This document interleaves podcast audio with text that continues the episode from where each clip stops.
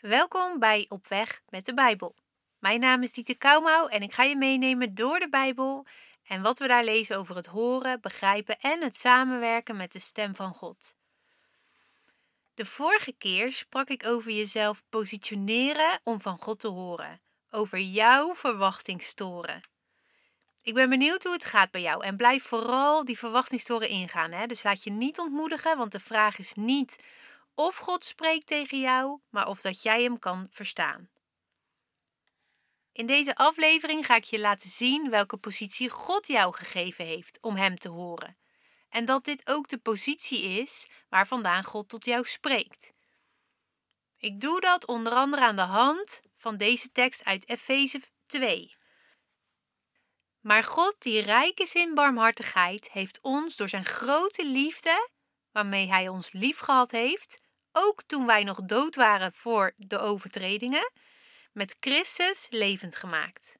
En heeft ons met Hem opgewekt en met Hem in de hemelse gewesten gezeten in Christus Jezus. Nou, dit is een hele lange zin, maar wat hier staat is dat God ons door zijn grote liefde levend heeft gemaakt, in Christus heeft opgewekt en met Christus in de hemelse gewesten heeft geplaatst. Dus zodra jij uh, ja zegt tegen Jezus, ben je in Christus gezeten in de hemelse gewesten, in de hemelsferen. We maken hier even van in de troon van God, want Jezus zit aan de rechterhand van God en we zijn met Jezus opgewekt en met Hem gezeten in de hemelse gewesten. Dus we zijn gezeten in de troon van God, in Christus Jezus. Nou, dit gaat misschien je verstand te boven, maar dat betekent dat wanneer jij hier op aarde loopt, dat jouw geest al in de hemelse gewesten gezeten is. Het heeft alles te maken met die rechtvaardigheid door het bloed van Jezus. Jij bent voortdurend in de aanwezigheid van God. Je kan er niet in en weer uitgaan, ook al zegt jouw gevoel dat misschien wel. Maar op grond van de Bijbel ben jij voortdurend in de aanwezigheid van God. Ben jij gezeten in de hemelse gewesten met Christus Jezus. Dit is de plek waar God jou dus ziet, zonder enig gebrek. Je bent heilig, rein, rechtvaardigd. Je bent vergeven. En waar jij precies weet wat jij hebt fout gedaan of wat je hebt afgelopen week beter had kunnen doen, kijkt God daar niet meer na. Dat betekent dat God ook daar niet meer over spreekt. Hij heeft iets goeds te zeggen tegen jou. Op grond van deze tekst in Efeze kun je niet hoger komen dan de positie waar je nu al zit. Je kan jezelf alleen verlagen door die positie te betwijfelen of niet aan te nemen. Ik ga dat nog een keer zeggen. Jij kunt niet hoger komen dan de positie waar je nu al in Christus zit. Niet door je best te doen, niet door christelijk gedrag. Je zit al in de troon. Je kan jezelf alleen verlagen door die positie te betwijfelen of niet aan te nemen. Het twijfelen aan of het niet kennen van je identiteit in Christus kan je belemmeren om Gods stem te verstaan terwijl het tegenovergestelde dus ook waar is. Wanneer jij jezelf herinnert aan jouw identiteit als zoon of dochter van de hoogste koning, helpt dat je om God te horen spreken. Iets anders wat jou kan belemmeren is ongeloof. Het is vrij simpel. Wanneer jij niet gelooft dat God tot jou wil spreken, zal je hem ook niet zo snel horen. Daarom is verwachting ook zo'n mooie sleutel om Gods stem te verstaan. Ik geloof persoonlijk dat je God kan zien en horen in alle dingen, maar Hem ook kan missen in alle dingen. Het verschil zit hem erin hoe jij God ziet en hoe jij jezelf ziet. Nu mag je ongeloof hebben en moeite met het herinneren van jouw identiteit, maar op het moment dat je die twijfel zet boven de waarheid van God, is de kans dus groot dat je moeite houdt met het horen van Gods stem. Ik ga het nog een keer en wat beter uitleggen. Op het moment dat jouw gedachte van ongeloof of het beeld wat jij hebt van jezelf of het beeld wat jij hebt misschien van God wanneer jij dat zet boven de waarheid van God, dus je hecht daar een grotere waarde aan, dan is de kans groot dat je altijd moeite houdt met het horen van Gods stem. We gaan in een volgende aflevering gaan we het hebben over ons denken. En dan zal ik je op dit vlak nog weer verder helpen. Nog iets anders wat je kan belemmeren om God te horen, is je ogen en je oren vullen met zoveel ruis dat er geen ruimte meer over is om God te horen. Denk maar aan het verhaal van de verloren zoon. Weet je nog dat hij op een gegeven moment woonde tussen de varkens en hij at varkensvoedsel? Nou, in deze tijd is het gewoon zo relevant dat je overal varkensvoedsel kan vinden. Open je telefoon maar, social media, Netflix, overal is varkensvoedsel te vinden. Terwijl je hemelse vader een feestmaal voor je heeft aangericht. Wat ik dus bedoel met dat varkensvoedsel, dat zijn alle prikkels die binnenkomen door jouw oren en ogen. Wat jij ziet op tv, op de media en overal om je heen maar ook bepaalde keuzes die jij maakt naar, over wat je kijkt of toelaat in je leven, zoals kijken van horrorfilms, thrillers, pornofilms. Dit is varkensvoedsel. Het besmeurt je met rommel, waardoor je Gods stem er lastig tussenuit filtert.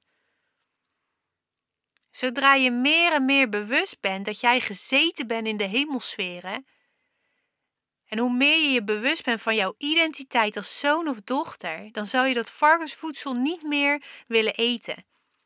Het is gewoon niet voor jou bedoeld. Je bent geen kliko. Nou, denk hier even rustig over na. We gaan er zo even tussenuit voor wat muziek. Maar ik wil je vragen om gewoon eerlijk te kijken. Waar vul jij je mee? Wat zijn de dingen waar jouw oren en jouw ogen mee gevuld worden? Misschien heb je vier uur lang uh, je tv aan per dag. Misschien kijk je elke avond vier afleveringen van je favoriete serie op Netflix. Ik zeg niet dat dit verkeerd is. Ik zeg niet je mag nooit meer een film kijken. Absoluut niet. Het gaat erom dat wanneer jij je bewust bent van je identiteit en wanneer je de aanwezigheid van God in je leven toelaat, meer en meer, dan gaat het gewoon wringen wanneer je bepaalde dingen kijkt, wanneer je bepaalde dingen hoort. Dan wil je dat niet meer, omdat je eigenlijk voelt: hé, hey, dit is niet voor mij bedoeld. Een goede vriend van ons die zegt altijd: Mijn hoofd is geen kliko. Dus bepaalde dingen wil ik gewoon niet zien, wil ik, wil ik gewoon niet horen. Nou, denk hier even over na voor jezelf en je mag hier ook keuzes in maken. Een van die keuzes kan bijvoorbeeld zijn dat je een wekkertje zet op je telefoon. En dan wanneer jij langer als een bepaalde tijd op je telefoon zit, dat je wekkertje afgaat en dat je even herinnerd wordt van hé, hey, wil ik nog wel zo lang op mijn telefoon zitten? Je mag verder gaan. Je bent net zo geliefd door God, maar het is misschien handig om even te stoppen je hoofd te vullen met zoveel ruis. Nou, we gaan er even tussenuit en we gaan zo verder kijken naar dit onderwerp. We hebben gekeken naar de positie en de identiteit die God jou en mij gegeven heeft en de verschillende dingen die je kunnen belemmeren om God te verstaan. Het vraagt dus een keuze van ons om die nieuwe identiteit aan te trekken en te omarmen hoe God naar je kijkt. Deze tekst uit Efeze 4, die zegt het zo. Uw denken moet grondig vernieuwd worden. Sterker nog, u moet een heel nieuw mens worden die alleen voor God leeft, zuiver en goed. Trek een nieuwe natuur aan als een stijl nieuwe kleren nou, wanneer jij ochtends opstaat, mag je deze nieuwe kleren aantrekken. Je mag je herinneren aan het feit dat jij een geliefde zoon en dochter bent, dat jij een tempel bent van de Heilige Geest, dat jij in connectie leeft met God de Vader en dat Hij ieder moment tegen jou wil spreken. Je mag je verwachtingstoren ingaan in die nieuwe kleren. En elke keer mag je jezelf herinneren aan de waarheid hoe God naar jou kijkt. Want God spreekt tegen jou en Hij heeft zeker iets goeds te zeggen. Misschien wil jij dat God antwoordt op jouw brandende vraag, terwijl Hij eerst wil zeggen hoeveel Hij van je houdt en hoe trots Hij op je is. Veel mensen zullen dit herkennen. Je hebt eigenlijk al besloten waar God over moet spreken. Daarom hoor je eigenlijk datgene niet meer wat hij zelf wil zeggen. Onze mond zegt snel iets anders dan wat we eigenlijk denken. Dat is niet erg, maar wel fijn als je je daarvan bewust bent. Wanneer jij verwacht dat God alleen maar spreekt over de grote live events, dan mis je zijn liefdevolle, zachte stem over al die kleine dingen in je leven. Dingen waarvan jij misschien wel denkt dat het voor God helemaal niet interessant is. Je weet wel dat God betrokken is bij je hele leven, maar geloof je het ook? Ik heb ontdekt dat wanneer het belangrijk is voor jou, dat het belangrijk is voor God en Hij wil erover spreken, hoe klein het ook is. Ik ga je een voorbeeld geven. Mijn man is vaak voor zijn werk langere tijd op pad, naar het buitenland bijvoorbeeld. En een tijd geleden was mijn man voor drie weken weg voor zijn werk.